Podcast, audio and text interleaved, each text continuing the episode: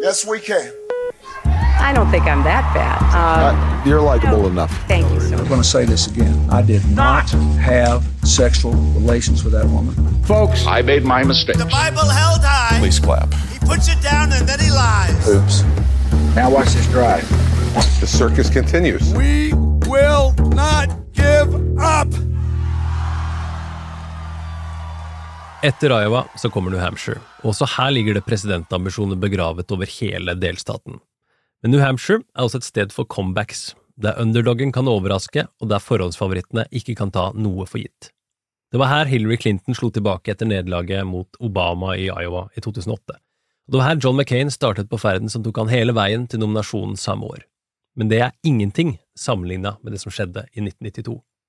Det er en historie om hvordan en kandidats privatliv havna under lupen i beste sendetid, om utroskapsrykter og et pressekorps som lukta blod. Det er også en historie om forventninger, om en kandidat som nekta å gi opp, og som festa sin lit til at velgerne i New Hampshire ville gi ham en hjelpende hånd. Den 19. januar 1992 satte fem demokratiske presidentkandidater i et TV-studio i Manchester, New Hampshire. En av dem var en ung, karismatisk guvernør fra Hope, Arkansas. As you know, and we will now tell the audience, the rules of this debate, me, are somewhat unusual. En fersk meningsmåling har han på førsteplass i New Hampshire, men Bill Clinton står overfor en krise som truer med å ødelegge kampanjen hans. Han blir ikke stilt til veggs i denne debatten her, men utenfor studio så venter en mediestorm som ser ut til å blåse Clinton-bussen av veien. En normal presidentkandidat ville ikke hatt nubbsjans. Hvordan han reiste seg og kom seirende ut av det, er en fascinerende historie. Let me tell you something, folks. They say I'm on the ropes now. Not because of anything I've done in my public life. Mitt navn er Are Togolflaten, og i denne episoden av Valgkampsirkuset ser vi nærmere på et av tidenes comeback. Jeg kan helt ærlig love deg et par av de mest minneverdige øyeblikkene fra nyere valgkamphistorie, og primærvalget i New Hampshire var scenen for det hele. We love New Hampshire. We sure showed them what a comeback looks like. They pick corn in Iowa. They actually pick presidents here in New Hampshire. Well, in New Hampshire, we're different. We say character is very important, and you have it, and we want you. That is American politics at its best in New Hampshire, the epicenter of it all every four years. Vi kommer tilbake til krisen i Clinton-kampanjen, som byr på noen lærdommer som har preget senere kandidaters veivalg. I denne lille vignetten her så hørte du også John McCain, som hadde da en referanse til en tale fra Clinton som vi skal høre mer fra senere. Jeg har som vanlig med meg historiker og forfatter Hans Olav Lahlum, og litt senere så får du også høre fra to forfattere som har skrevet hver sin bok om primærvalgene i New Hampshire. De gir oss en bedre forståelse av hvordan tidligere valgkamper har preget den vi står midt i nå. Granittstaten, da. Det er jo De jo hatt én president, da. Franklin Pierce fra 1853 til 57. Og det gikk så til de grader dårlig at det vel egentlig var lite aktuelt å få noen flere på ganske lenge. Eh, liten delstat er jo et godt stykke ned i nedre del på listen på folketall, eh, under halvannen million innbyggere, vel. Men en tradisjonsrik stat i USA som har en lang historie i USA tilbake til, til starten, og ofte en viktig vippestat, og typisk nå en av de statene som er på egentlig den korte lista med tanke på valget med delstater som kan vippe begge veier. Og det gjør jo at den delstaten også er mye mer interessant enn det den ville vært hvis det var en delstat som, som en av partene kunne ta for gitt ved selve presidentvalget. Hvordan har primærvalget i New Hampshire påvirket eh, presidentnominasjoner? Det er en historisk ganske viktig liten stat, men en historisk ganske viktig eh, vippestat. Selvfølgelig noen litt spesielle forutsetninger. Den er relativt eh, liten og har jo plassering der den har det, da, og, så, og, og, og så videre. Men det er likevel en stat som har vært ganske god på å uh, forutse det, men med litt skifte mellom partiene, da. For på demokratisk side så har det vært et uh, betydelig avvik. Hillary Clinton vant i 2008 foran, uh, foran Obama. Mm. Bernie Sanders vant i 2016 og 2020. Men det er også en del Gore i 2000, Kerry i 2004 for eksempel, som har vunnet her. Men ikke så veldig sterkt på demokratisk side, men derimot på republikansk side så har den forutsett veldig godt. Reagan vant der i 80, Bush vant der i 88, McCain vant der, Romney vant der på 2000-tallet, Trump vant der i 2016, slo tilbake etter et for ham skuffende resultat i Iowa. Riktignok var Dole bare på en sterk andreplass der i 96. Unntaket der er jo egentlig 2000. Da var det John McCain som vant ganske klart i New Hampshire foran Bush jr., men nominasjonsløpet snudde senere. Men på på republikansk side så har det vært uh, veldig viktig å vinne New Hampshire, mindre viktig på demokratisk side. Mm. I New Hampshire så sier de da litt nedsettende at uh, Iowa plukker mais, mens de plukker eller velger presidenter. Er de inne på noe, eller altså at vinneren i New Hampshire som oftest gjør det bedre enn vinneren i Iowa, eller er det bare en delstat som uh, snakker ned en annen? Ja, nå var det jo guvernøren i New Hampshire som sa det der, tror jeg, tilbake i 1988. og Han var vel ikke en helt nøytral aktør i, i, i den rivaliseringen der. Um, men det er klart at i og med at republikanerne jo har vunnet en del valg i den perioden, og at de har truffet veldig godt på republikanere der, så tja Jo, man, man, man, kan jo si det, men samtidig det er klart, du er litt tilbake, da. altså Reagan og Bush uh, junior og sånt. Trump uh, i 2016 er jo liksom det siste store eksempler på det, da. Mm. Men jeg syns egentlig at den, den, den passa bedre i 88, da han visstnok sa det, enn senere, sånn det fremstår. Vi har allerede vært innom comebacks et par ganger, men historien om primærvalget i New Hampshire kan ikke fortelles, mener jeg, uten å se på noen av underdogene som aldri beit fra seg. Det er smått surrealistisk å observere presidentkandidater som får gå uforstyrra blant folk som ikke har peiling på hvem de er. Det finnes noen av de hvert fjerde år, menn og kvinner som har kasta seg inn i kampen om å bli verdens mektigste person, på tross av at det er få som vet hvem de er, og enda færre som bryr seg. Forfatteren Theodore White observerte følgende i 1961. Kunsten ved primærvalget er å framstå like nær og tilgjengelig som den lokale kongressmannen, mens man samtidig bevarer en verdighet som får ham til å se ut som en president. Det er med andre ord lettere sagt enn gjort. En februarkveld i 2016 kjørte jeg gjennom et parkeringshus i Manchester, den største byen i New Hampshire. Jeg lette etter en parkeringsplass da jeg kjørte forbi den tidligere guvernøren av Virginia, helt aleine. Jim Gilmore, stakkars, hadde bare fått tolv stemmer i caucus-valget i Iowa. Han lyktes definitivt med det White omtalte som å framstå like nær og tilgjengelig som den lokale kongressmannen, men det var verre med verdigheten som får ham til å se ut som en president. Åtte måneder senere så mimra vi om valgkampen før visepresidentdebatten i Virginia denne høsten. I had a wonderful time in New Hampshire. It's a beautiful place and very, very warm, friendly people. uh, and very dedicated to what they're doing when they when they have their, their primary. But my favorite time was uh, the time when I would get up early in the morning and go out in the snow yeah. and shake hands with people and do radio shows before daybreak and all of that. And uh, you know, New Hampshire's really pretty in the snow in the morning. It's cold too. Han fikk til slutt 133 stemmer i New Hampshire, som jo var en betydelig framgang fra Iowa. Jeg spurte Gilmore om hvordan det føltes. Well, you do it in order to see if you can gain momentum based upon your credentials and your ideas and your and your background. Mm-hmm. And either you do or you don't.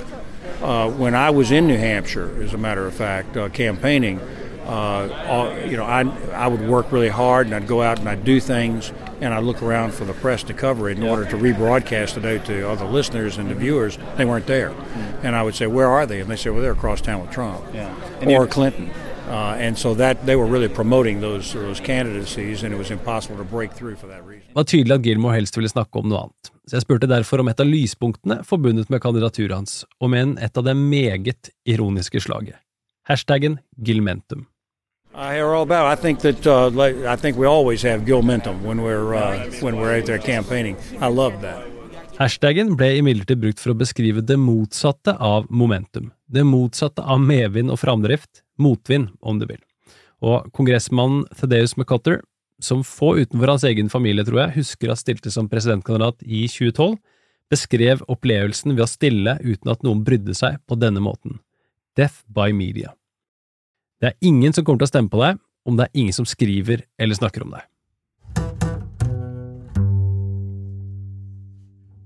Som 34-åring ble Fergus Cullen tidenes yngste leder av delstatsparti i amerikansk historie.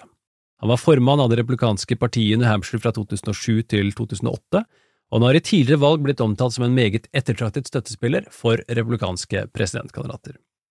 Cullen har skrevet boka Granite Steps, en historie om primærvalgene i New Hampshire, med en tittel som spiller på delstatens kallenavn, som Lahlum nevnte innledningsvis. Boka til Cohen tar for seg perioden fra 1992 og fram til 2012, og jeg spurte han om hvordan Donald Trump har endret primærvalget i New Hampshire. Well, I couldn't have predicted, but the primary changed a lot in the year where I left off. Uh, the book came out right before the 2016 primary, but you know Donald Trump won the New Hampshire primary that year in a way that was defying all the traditions of past candidates. He did not do town hall meetings. He did not shake a lot of hands. He did big rallies and dominated media coverage and was still able to win. He has you know, changed the nature of the primary here. New Hampshire is a small state. It is about 1.3 million people. So, you know, as many people as you find in a, in a good sized city. And, uh, it's, it's mostly a rural state. So traditionally it's been much more retail, much more grassroots. Donald Trump proved that he didn't have to do all those town hall meetings that people like John McCain or John Kasich had done in order to be politically successful. Det naturlige oppfølgingsspørsmålet mitt var da om Donald Trump er unntaket som bekrefter de gamle spillereglene i New Hampshire, eller om han har endret dem. Uh, he didn't so much reinvent it as blew it up, uh, like everything he's ever involved in. So, yes, this time around, Nikki Haley has been running the most traditional New Hampshire campaign, uh, characterized by the most town hall meetings. She's probably done more town halls than the rest of the candidates put together. But the Trump effect going back to 2020 and uh, 2000, certainly this cycle as well, there's just much less grassroots activity, much less opportunities for regular people to interact with candidates. And pretty much anyone who wants to go and see candidates still has the opportunity to do so. But most voters here are getting their information the same way voters across the country do, which is sitting in their living rooms watching TV. This primary is really happening on cable news. Men hvordan starta det hele? Hvordan fikk New Hampshire det første primærvalget? Jeg slo på tråden til Scott Conroy, forfatter av boken Vote First or Die, som tar for seg primærvalget i New Hampshire i 2016. New Hampshire ended up having the first primary almost by accident. It established the primary in uh, 1916, and it's been first every year since 1920, so over 100 years now. Now that special status of being first in the nation is codified by state law, but it didn't start out that way. Of course, decades ago, nominations were largely decided not by primaries and caucuses, but by sort of the, the power brokers in either party at the convention had a lot more sway than actual voters. Conroy dro fram en av John McCains gamle røverhistorier fra 2000 som et eksempel på primærvalgets lange historie. Den er fra Dixville Notch, det knøttlille stedet tre timer nord for Manchester, som i mange år avla de første få stemmene både i primærvalget i New Hampshire og i selve presidentvalget i USA. McCain møtte den gang mannen som arrangerte det, og Conroy igjen forteller det slik.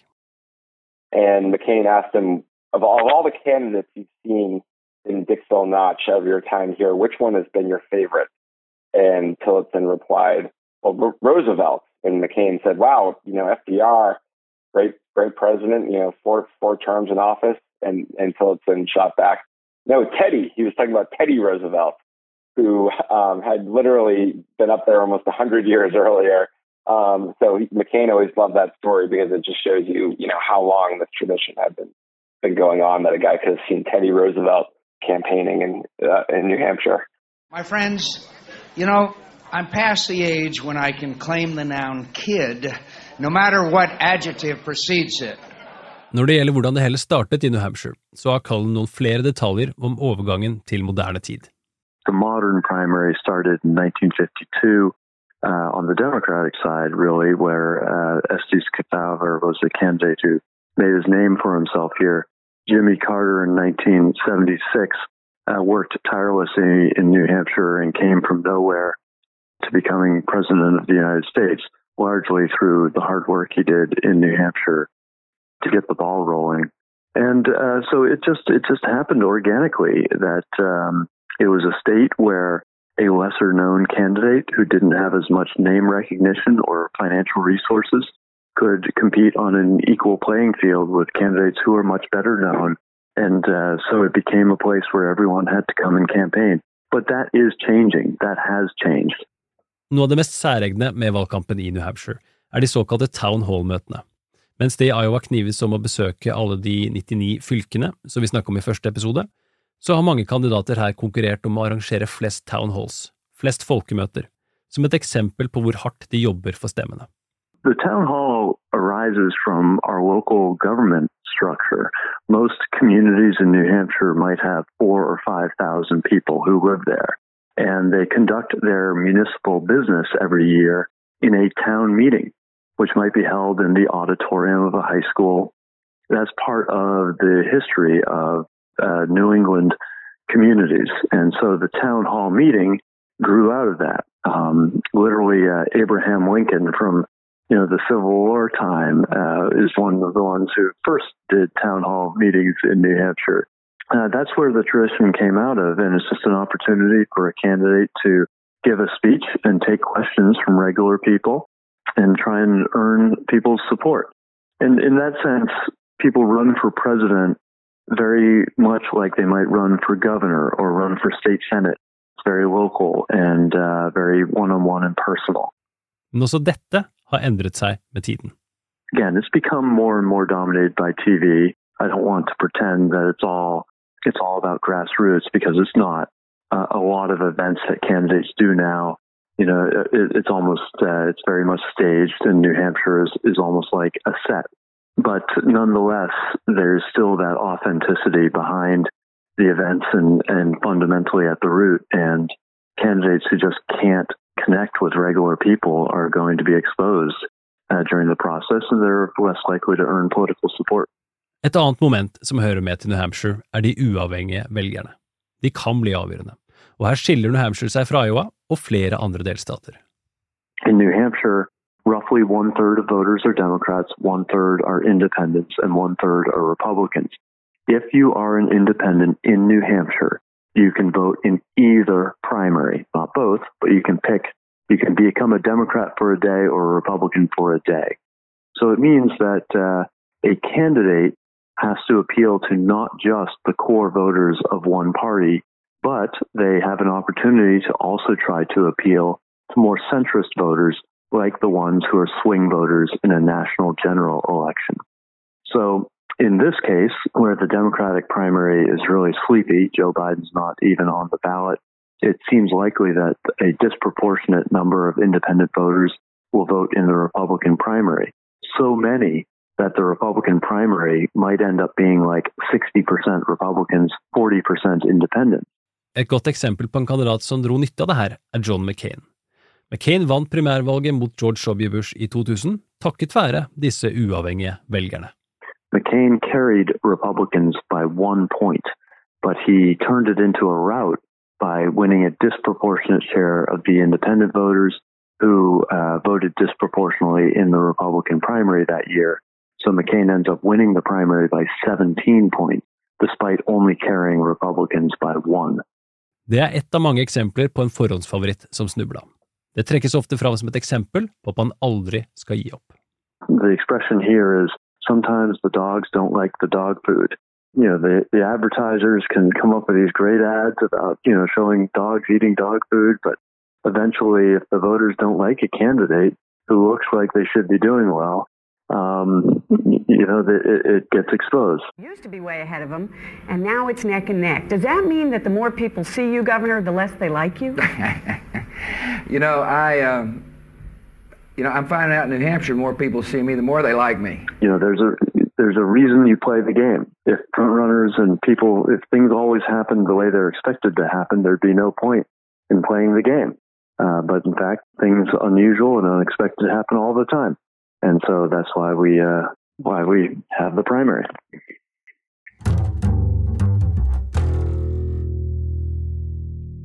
En som aldri ga opp, og som virkelig spilte spillet, for å bruke Collins omtale av valgkampen, er Bill Clinton. Kvinnehistoriene og utroskapsryktene forsvant ikke, og det Bill og kona Hillary deretter gjorde, var dristig. De satte seg nemlig ned med Steve Croft på 60 Minutes for å svare på det han hadde av spørsmål om saken. Does that mean that you had communication problems? Does that mean you contemplated divorce? Does it mean adultery?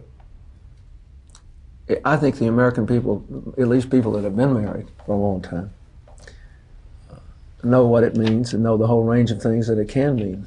You've been saying all week that you've got to put this issue behind you. Um, are you prepared tonight to say that you've never had an extramarital affair? I'm not prepared tonight to say that any married couple should ever discuss that with anyone but themselves. I'm not prepared to say that about anybody.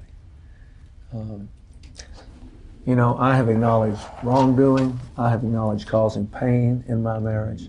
I have said things to you tonight and to the American people from the beginning that no American politician ever has. I think most Americans who are watching this tonight, they'll know what we're saying, they'll get it, and they'll feel that we have been more candid. And I think what the, the press has to decide is are we going to engage in a game of gotcha? Croft prøvde gjentatte ganger på å få Clinton til å innrømme utroskap, men Clinton snodde seg unna igjen og igjen, på mesterlig vis, om jeg så må si. Men det var ett spørsmål som fikk både Bill og Hillary til å reagere sterkere enn tidligere i intervjuet. I, I think most Americans would agree that it's very admirable that you had, have stayed together, that you've worked your problems out, that you seem to have reached some sort of an understanding and, and an arrangement. Um, wait a minute, wait a minute. wait a minute. You're, you're looking at two people who love each other. This is not an arrangement or an understanding. This is a marriage. That's a very different thing. Hillary Clinton leverte deretter dette klassiske sitatet. You know, I'm not sitting here as some little woman standing by my man like Tammy Wynette. I'm sitting here because I love him and I respect him and I honor what he's been through and what we've been through together. And you know, if that's not enough for people, then heck, don't vote for him. Når jeg har sett klippene i ettertid, så må jeg si at det var en imponerende opptreden, uten tvil. Men saken fikk et nytt liv etter en pressekonferanse der Jennifer Flowers, som hevdet å ha hatt et tolv år langt forhold med Bill Clinton, spilte av telefonsamtaler mellom de to. Hello. Jennifer? Yes. Bill Clinton. Hi, Bill. Hey, I tried to call you. I can't believe I got you. Well, when did you try to call me? Last night, late. Well, I was here. Did you take your phone off the hook? Well, I did. I well, I've been getting some hang-up calls. Oh. And at one point, I took my phone. I, I didn't take it off the hook. I just done. Turned it off? Yeah. Oh, that's what it was. I, call, I started calling as soon as I got home last night, and I called for a couple of hours. Well, sorry. Det her førte selvsagt til mange flere spørsmål, men Clinton svarte med å drive valgkamp som aldri før. Noen dager før valgdagen så var Clinton i Dover, New Hampshire. Han står her omringa av potensielle velgere og en haug med kameraer. Han vifter med pekefingeren og drar et retorisk S ut av ermet. Let me tell you something, folks. They say I'm on the ropes now. Not because of anything I've done in my public life, not because of anything I've said to you. Nobody questions, if you really ask them, who had the best chance to turn this country around and lead this country and make a difference. Who's got a good plan? Not because of anything I've done to embarrass myself or my campaign or anything else. They say, I'm on the rope because other people have questioned my life after years of public service. I'll tell you something. I'm going to give you this election back, and if you'll give it to me, I won't be like George Bush. I'll never forget who gave me a second chance, and I'll be there for you till the last dog dies. And I want you to remember. Till the last dog dies. Bill Clinton hadde ligget godt an på meningsmålingene før alle disse kontroversene, og forventningene var senket betraktelig. Det handlet om å stanse blødningen, ikke om å vinne. Og de lave forventningene her skulle vise seg å være gull verdt, for han tok etter hvert litt innpå Massachusetts-senatoren Paul Tsongas. Stemningen sto i taket da Clinton entra podiet på valgvaken foran rundt 500 mennesker på Best Western Inn i Merrimack. Let me say that while the evening is young, and we don't know yet what the final tally will be, I think we know enough to say with some certainty that New Hampshire tonight has made Bill Clinton the comeback kid. Men Bill Clinton hadde ikke vunnet. Han hadde kommet på andreplass, åtte prosentpoeng bak Paul Tsongas. Det er det ikke mange som husker, og Clinton hørtes virkelig ut som en vinner den kvelden. Han hadde gjort det bedre enn forventa, noe som ga ham vind i seilene ut av New Hampshire. Clinton vant nominasjonen, han slo Bush og Perot i november 1992, og han vant gjenvalg i 1996, på tross av alle kontroversene. Så hva med 2024? Fergus Cullen har fulgt valgene tett siden han var tenåring, og i løpet av det siste året har han ikke bare hørt på, men også snakket med mange av kandidatene. Han mener Trump har endret amerikansk politikk, og ikke på en positiv måte. Han ser Trump som favoritten, men han er langt fra uslåelig. Donald Trump clearly has a very big lead, but uh, and he has to win. You know, if he loses, he'll be considered very vulnerable all of a sudden. And somebody like Nikki Haley doesn't necessarily have to win. She just has to exceed expectations and come in a strong second. And um, then she will be, uh, you know, have emerged as the main alternative to Donald Trump. And that's what all the candidates have been trying to do all year is to emerge as the main alternative to Trump. For demokratenes del så er det store endringer i år. Som jeg nevnte i forrige episode, så har nemlig Joe Biden og partiet bestemt seg for å hoppe over både Iowa og New Hampshire. Det er mange delstater som lenge har drømt om og argumentert for hvorfor disse to delstatene ikke fortjener den viktige rollen de har hatt, og i 2024 så får flere av dem viljen sin. Well, I do think that the, the New Hampshire primary, as Democrats have known it, is over. Um, they don't seem to realize this. They're still in denial, in my view. We started seeing last cycle some national Democrats decide that they couldn't compete in New Hampshire, that it wasn't as favorable to them as other places. And when Joe Biden finished fifth in New Hampshire, that it, normally that would end the candidacy.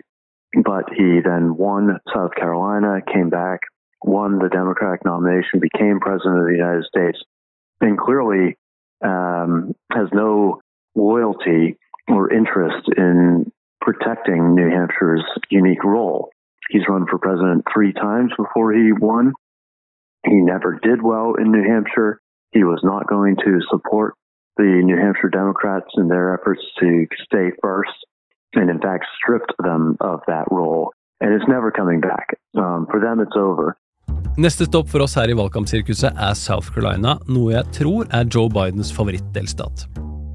Det er veldig hyggelig om du blir med oss sørover, der vi kan vente oss skitne triks og enda noen flere presidentambisjoner som ligger begravet rundt omkring i delstaten. Legg gjerne igjen en anmeldelse om du likte episoden, slik at vi kan nå enda flere. All right. Altså veldig hyggelig om du tipser en venn eller kollega om å høre på. Okay, I appreciate it.